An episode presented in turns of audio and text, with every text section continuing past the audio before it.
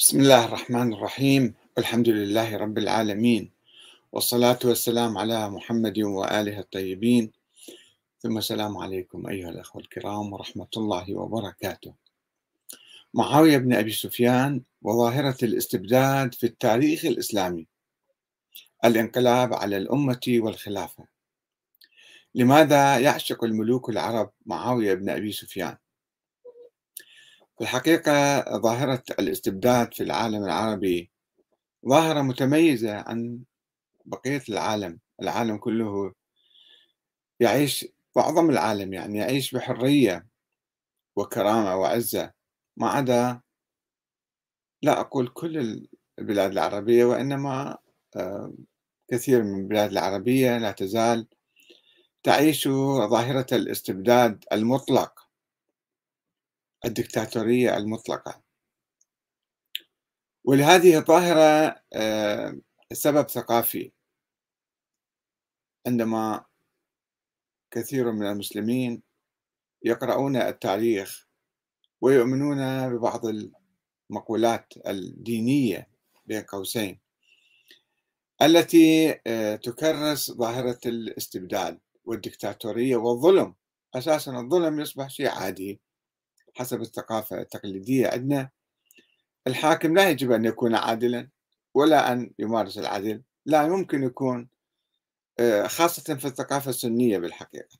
نتكلم بصراحة. في الثقافة السنية التقليدية غير الثقافة المعاصرة الآن الآن هناك ثقافة ديمقراطية.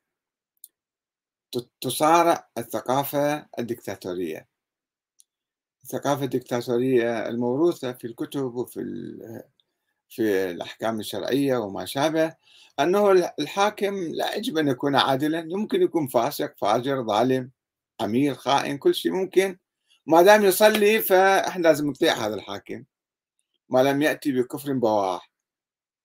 الظلم مو كفر بواح الظلم عادي. هذه الثقافة.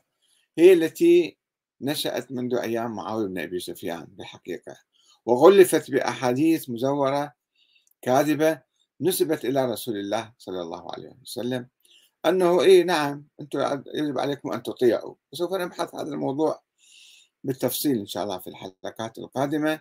ولكن اليوم نتوقف عند دور معاوية بن أبي سفيان في تشييد هذا النظام الأموي القائم على القوة والقهر والإكراه. أنا بحثت في حلقات سابقة موضوع الخلافة. آه، الخلافة في الإسلام لا تعني نظام الحكم فقط. مفهوم الخلافة في الإسلام تعني يعني مفهوما واسعا وحتى أطلقت على كتابي آه، الذي بحثت فيه الفكر السياسي السني. تطور الفكر السياسي السني نحو خلافة ديمقراطية. يعني خلافة شعبية ديمقراطية. فمفهوم الخلافة في الإسلام مفهوم واسع أوسع من مسألة خليفة ونظام حكم وتفاصيل هذا الخليفة.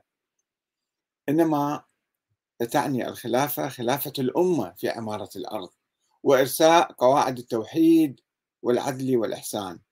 حسب ما يقول الله تعالى في عدة آيات لما نقرأ هذه الآيات التي ترد فيها كلمة خليفة وخلفاء وما شابه. نفهم معنى آخر أوسع أوسع من آه، الخليفة كشخص.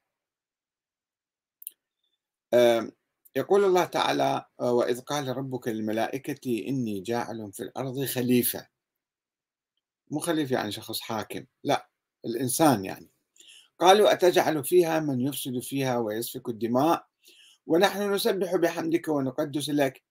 قال إني أعلم ما لا تعلمون البقرة آية 30 وفي آية آه، تخاطب النبي آه، داود عليه السلام.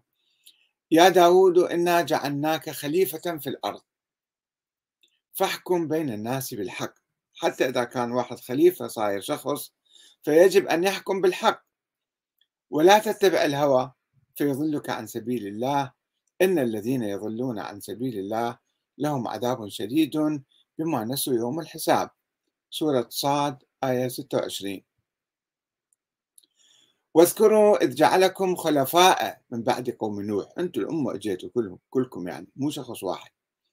خلفاء من بعد قوم نوح وزادكم في الخلق بسطة فاذكروا آلاء الله لعلكم تفلحون. الأعراف 69 وفي آية أخرى في سورة الأعراف أيضا واذكروا إذ جعلكم خلفاء من بعد عاد وبوأكم في الأرض تتخذون من سهولها قصورا وتنحتون الجبال بيوتا فاذكروا آلاء الله ولا تعثوا في الأرض مفسدين.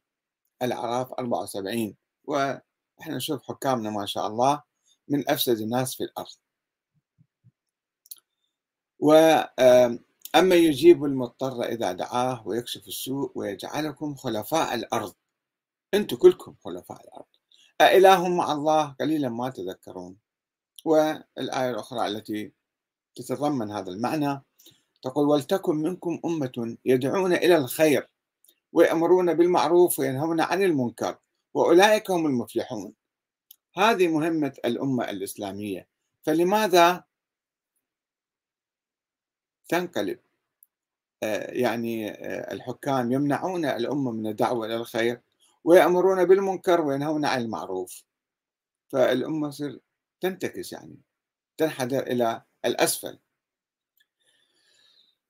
آه، وإحنا شاهدنا الخلفاء الراشدين الخمسة أبو بكر وعمر وعلي وعثمان وعلي والحسن هؤلاء رضي الله عنهم جميعا هؤلاء ضربوا أروع الأمثلة. ولو كان في بعض الملاحظات ولكن بالتاريخ اللي اجى بعدين يعني جعلهم يعني آه، أمثلة ناصعة جدا.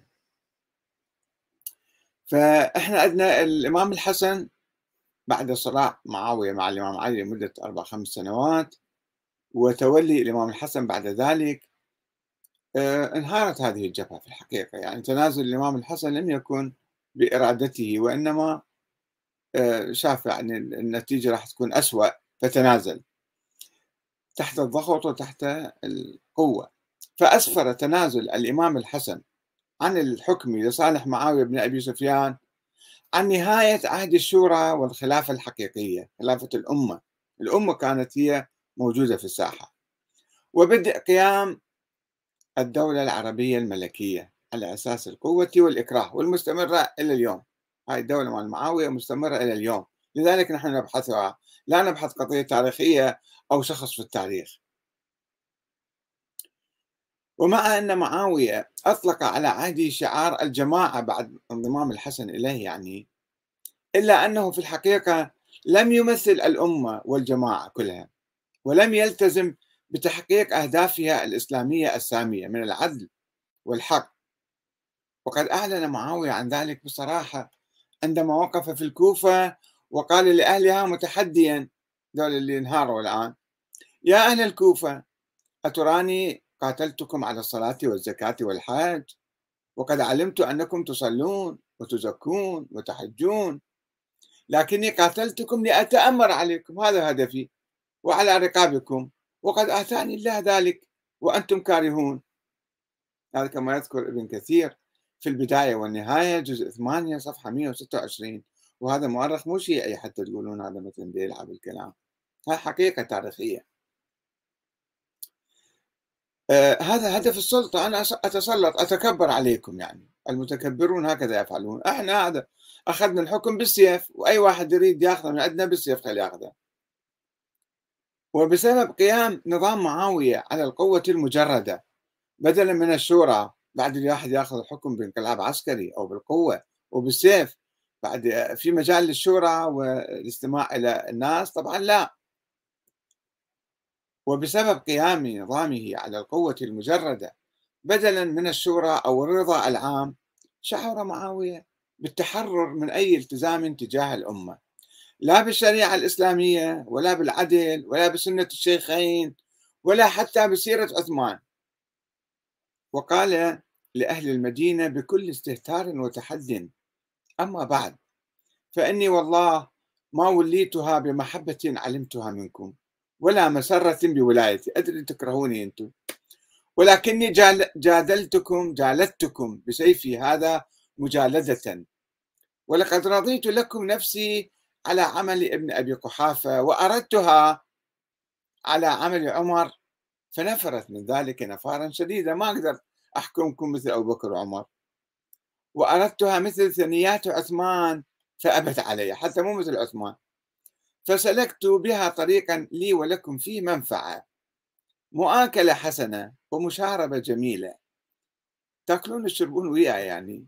فإن لم تجدوني خيركم فإني خير لكم ولاية. والله لا أحمل سيفي على من لا سيف له. وإن لم يكن منكم إلا ما يستشفى به ما يستشفي به القائل بلسانه فقد جعلت ذلك دبر إذني وتحت قدمي. إذا تحكون علي مو مشكلة أنا مسيطر. وإن لم تجدوني أقوم بحقكم كله فاقبلوا مني بعضه شوية يعني. فإن أتاكم مني خير فاقبلوه فإن السيل إذا زاد عنا وإذا قل أغنى. وإياكم والفتنة فإنها تفسد المعيشة وتكدر النعمة. الفتنة يعني الواحد يطالب بحقوقه وبحرياته وبالحق والعدل هذا يسميه في منطق معاوية هذا يعني الفتنة. هذا كما ينقل ابن عبد ربه في العقد الفريد جزء 4 صفحة 147 يمكن تجدوه في مصادر أخرى يعني حسب المصادر الأولية التي وجدتها. هذا كل المؤرخين يذكرون ذلك. وطالب معاوية أهل المدينة بالقبول بالأمر الواقع والتسليم لحكمه. قائلا اقبلونا بما فينا فإن ما وراءنا شر لكم وإن معروف زماننا هذا منكر زمان قد مضى ومنكر زماننا معروف زمان لم يأتي. وهذا ابن عبد ربه يعني من الأمويين مو شيعي يعني هو. أيضا نفس المصدر. وقال لوفد عراقي جاءه إلى الشام الأرض لله وأنا خليفة الله فما أخذت فلي وما تركته للناس فبالفضل مني إنه لملك آتانا الله إياه. وأعطى معاوية لنفسه كامل الحق في التلاعب بالمال العام دون رقيب أو حسيب كما يفعل الآن ملوك العرب.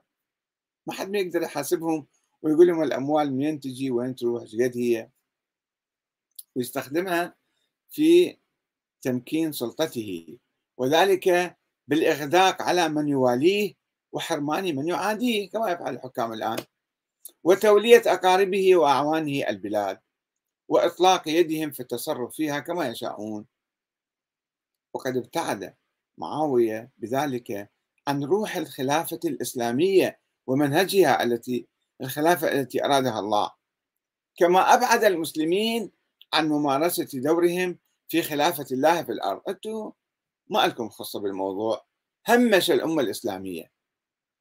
هاي ظاهرة ظاهرة الاستبداد والتهميش مستمرة إلى اليوم. ثم نجي نشوف شلون طور الفكر السياسي ماله حصر الخلافة في بني أمية.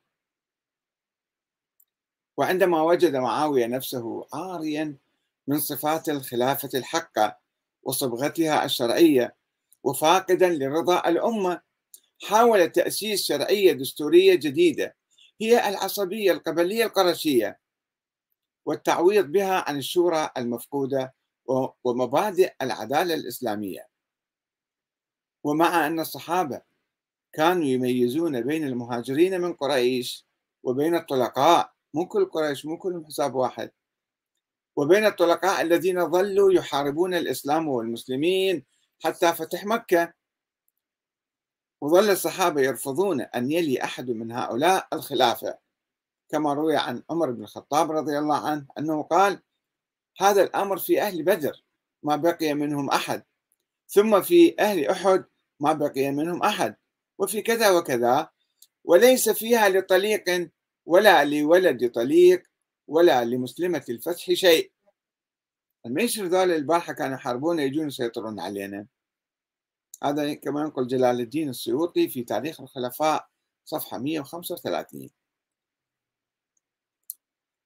إلا أن معاوية حاول أن يلغي الفارق بينه وبين المهاجرين وأن يحشر نفسه معهم باعتباره واحدا من قريش وسع الدائرة وضم نفسه وياهم. وسمى نفسه صحابي بعدين.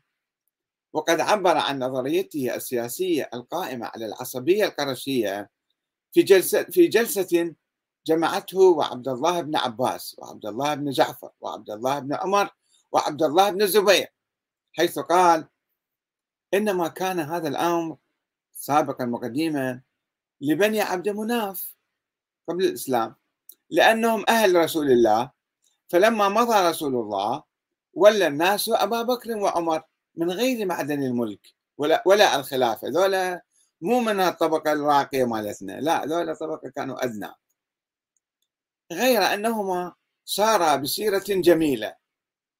ثم رجع الملك إلى بني عبد مناف لما اجى عثمان. فلا يزال فيهم إلى يوم القيامة هكذا كان يحلم معهم ابي سفيان أن الحكم يبقى في بني عبد مناف وتوجه إلى القاعدين حواليه. ولقد اخرجك الله يا ابن الزبير. أنت مو من قبيلة مو من بني عبد مناف أنت ما لك حق بالخلافة. وأنت يا ابن عمر؟ لانهما ليس من بني عبد مناف فأما ابن عمي ابن عمي هذان يعني آه، ابن عباس وابن جعفر ابن عبد ابن جعفر عبد الله بن جعفر فليس بخارجين من الرأي إن شاء الله. يعني نستشيرهم وكذا بس هم أيضا ما لهم حق بالخلافة. كما ينقل ابن قتيبة الدينوري في الإمامة والسياسة جزء واحد صفحة 174 وقد أراد معاوية بذلك تطيب خاطر ابن عباس وابن جعفر والاعتراف بحقهما السياسي في الولاية كونهما من بني هاشم وبني عبد مناف بالتالي. ولكنه في الحقيقة لم يكن يرى لهما أي حق في منافسته على السلطة وهو الذي قاتل الإمام علي وابنه الإمام الحسن من أجلها وانتزعها منهما بالقوة. فيجي يعطيها لابن آه، جعفر أو ابن عباس؟ لا طبعا ما يعطيها. وحاول معاوية إضفاء شرعية دينية مزيفة على العصبية القرشية. فقال بنى الله هذا الملك على قريش. شلون منطق هذا؟ مو منطق إسلامي. بنى الله هذا الملك على قريش وجعل هذه الخلافة عليهم ولا يصح ذلك إلا عليهم. فكان الله يحوطهم في الجاهلية وهم على كفرهم بالله. كان يعطيهم الحكم والسلطة لهم. أفتراه لا يحوطهم وهم على دينه؟ طبعا راح يعطيه لهم فقط يعني. وقد أحاطهم في الجاهلية من الملوك الذين كانوا يدينونكم. هذا كما يذكر الطبري في تاريخ الأمم والملوك جزء 2 صفحة 635 يعني شوف شلون دي, دي نظر للعصبية القرشية لازم تحكم. هاي الطبقة لازم قريش مو مشكلة بعد مهاجرين لو أنصار هم يعني أو طلقاء هم لازم يحكمون. ولم يجد بأسا بعد ذلك في الرواية عن النبي صلى الله عليه وآله وسلم بأن هذا الأمر في قريش. هذه الرواية يرويها البخاري جزء خمسة صفحة 13 أن معاوية روى عن رسول الله أن هذا الأمر في قريش. طبعا هو رواية مزورة وكاذبة هذه. وهاي الرواية الأخرى المشهورة اللي أيضا واحد أموي يراويها أنه النبي قال سيكون بعدي 12 خليفة ثم يكون الهرج والمرج وما سمعت فت كلمة ما عرفتها. بعدين أبويا قال لي أنه كلهم من قريش. يعني الخلافة والحكم في قريش فقط. كأنه الله مفضل هاي العشيرة آه، على كل الأمة الإسلامية عبر التاريخ. فهاي شوفوا شلون يعني بعد ما سيطر وكذا الحكم منه لازم يصير. إحنا قريش. هذا تكبر واستعلاء على الناس.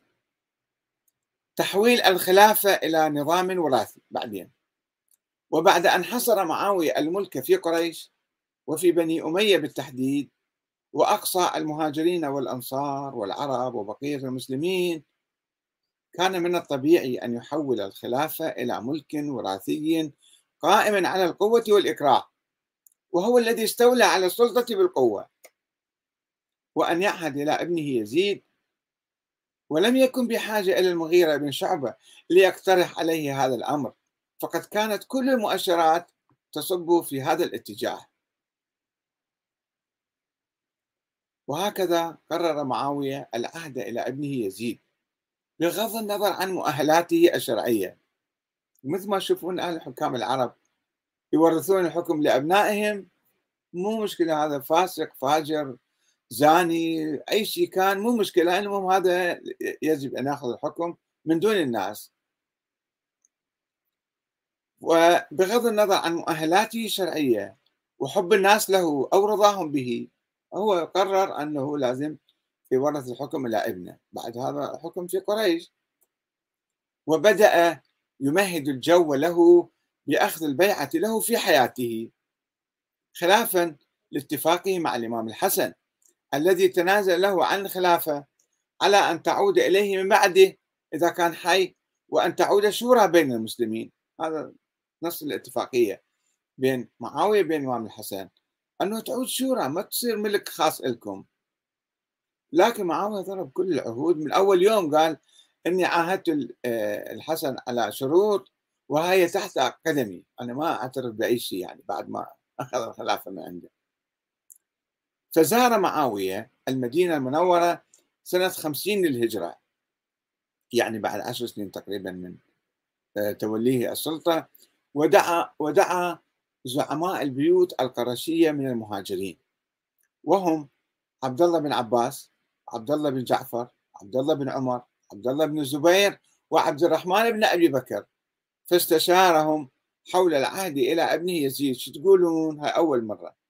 شنو رأيكم؟ ما هو رأيكم أنه أنا أعهد إلى ابني؟ قال تفاجئوا أول مرة تصير ولاية عهد. فرفضوا جميعا ذلك وحذروه ودعوه إلى الأخذ بالشورى واختيار الأصلح من الأمة. شنو هالانقلاب اللي تسويه أنت؟ وقال عبد الله بن عمر إن هذه الخلافة ليست بهرقلية ولا قيصرية ولا كسروية يتوارثها الأبناء عن الآباء. ولو كانت كذلك كنت القائم بها بعد أبي أنا كنت أول واحد اولى أصير. كما يذكر ابن قتيبة الدينوري في الامامه والسياسة جزء واحد صفحة 149 إلى 150 وقال عبد الرحمن بن أبي بكر يا بني أمية إن هذا الأمر كان لرسول الله وقد كان في أهله من لو جعله فيه لكان له أهلا فلم يفعل. فأعدتموها يا بني أمية أعجمية. كلما هلك هرقل قام هرقل. هذا أيضا القاضي عبد الجبار الهمداني يذكر ذلك في تثبيت دلائل النبوة جزء 2 صفحة 575 وطالبه عبد الله بن الزبير باتباع سيرة رسول الله الذي ترك الناس فاختاروا لأنفسهم بعده من رأوه أهلا لها. أو سيرة أبي بكر الذي نص على رجل مرضي عند الأمة مثل عمر يعني. أو سيرة عمر الذي جعلها شورى في قوم مرضيين ستة معروفين. كما احتجت السيدة عائشة أم المؤمنين رضي الله عنها على ذلك وقالت قد كان لمن تقدمك بنون ما ابنك مثلهم فما رأوا في بنيهم ما رأيت. أنت شنو جاي بفضل ابنك على الآخرين؟ شنو هالسنة السيئة اللي قاعد تحطها بالعالم الإسلامي؟ هذه أيضا القاضي المعتزلي عبد الجبار الهمداني في نفس الكتاب تثبيت دلائل النبوة جزء 2 صفحة 576 شوفوا الناس يعني كبار القوم ذول اللي كانوا هالجيل الجديد كلهم رفضوا ولاية العهد والتعيين نزيد خليفة عليهم من بعد ذلك. ولكن معاوية لم يأبأ كثيرا لملاحظاتهم. وقال لهم لستم في زمان أبي بكر وعمر إنما هم بنو أمية من عصاهم أوجلوه بالسيف. وهو مستفز السيدة عائشة التي ردت عليه قائلا إنما هو ملك باطل تجعلونه يا بني أمية في من تهونه. هذا أيضا نفس المصدر آه، القاضي عبد الجبار الهمداني صفحة 576 وحاول معاوية أن يصور للناس بأن تعيين يزيد من إرادة الله التي لا مفر منها. فكان يقول إن أمر يزيد قضاء وقدر وليس للعباد الخيرة من أمرهم. مو مو راجع للناس الله معين يزيد. هذا كما يقول ابن كثير في البداية والنهاية جزء ثمانية صفحة 126 ولم يجد معاوية وسيلة لأخذ البيعة له إلا بالقوة. ما, ما, ما الناس ما يقبلون فلازم بالقوة. كما يقول آه، ابن قتيبة في الإمامة والسياسة جزء واحد صفحة 148 وقد روى ابن عبد ربه في العقد الفريد قال لما أراد معاوية أخذ البيعة لابنه يزيد بعث إلى الأمصار أن يفدوا عليه. فوفد عليه من كل مصر قوم فقام الخطباء فخطبوا ثم قام يزيد بن المقفع فقال أمير المؤمنين هذا مشيرا إلى معاوية فإن هلك فهذا مشيرا إلى يزيد فمن أبى فهذا مشيرا إلى سيفه. فقال معاوية اجلس فإنك سيد الخطباء أو أنت أخطب القوم وأكرمهم. فذهب معاوية إلى المدينة. بعد ذلك ذهب معاوية إلى المدينة ليأخذ البيعة لابنه يزيد من أهلها بنفسه كما يقول الدينوري في نفس المصدر صفحة 163 ومع ذلك لم ينجح في مهمته وجوبها بمعارضة شديدة خاصة من قبل زعماء البيوتات القرشية المهاجرة. فنزل عن المنبر وانصرف إلى منزله غاضبا. وأمر حرسه أن يحضروا هؤلاء النفر الذين أبوا البيعة. وأوصاهم أوصى حرسه قائلا إني خارج العشية إلى أهل الشام. فأخبرهم أن هؤلاء النفر قد بايعوا وسلموا. كذب عليهم يعني بصراحة. فإن تكلم أحد منهم من دول الناس اللي أبوا البيعة بكلام يصدقني أو يكذبني فيه فلا ينقضي كلامه حتى يطير رأسه. شوفوا شلون إرهاب يعني. فحذر, فحذر القوم ذلك. الناس خافوا بعد من عنده القرار المتخذة أنه بالقوة أي واحد يتكلم حتى لو يأيده يطير رأسه. كما يقول ابن قتيبة الدينوري في الإمام والسياسة جزء واحد صفحة 163 وأرسى معاوية بذلك أخطر انقلاب دستوري عسكري صحيح. في تاريخ المسلمين من نظام الشورى إلى نظام الوراثة العائلية اعتمادا على قوة السيف واستنادا إلى أعراف النظام القرشي الجاهلي اللي غلفه بأحاديث كاذبة مزورة على الرسول الأعظم صلى الله عليه وسلم. فالمشكلة أنه إحنا الآن هاي الثقافة لسه يمكن واحد يناقش والله هذه الكلمة صحيحة ولا مو صحيحة بس النتيجة آه، هي تدل على ذلك. هو تعيين يزيد خليفة على المسلمين آه، بعده بالقوة والإرهاب. مثل ما الآن يفعل الملوك شوف شلون عندهم إعلام أيضا ويجملون ويبررون ويفلسفون الظاهرة الاستبدادية المطلقة الموجودة في العالم. وبعض المشايخ اللي هم مرتزقة أو وعاظ سلاطين يبثون هذه الثقافة ويخدرون الناس ويجعلوهم يستسلمون للأمر الواقع. أما المسلمون الحقيقيون الأحرار الذين يرفضون الظلم والاستبداد والطغيان فهم لا يقبلون بهذه الثقافة ويطالبون بالعدل والحرية والديمقراطية. والسلام عليكم ورحمة الله وبركاته.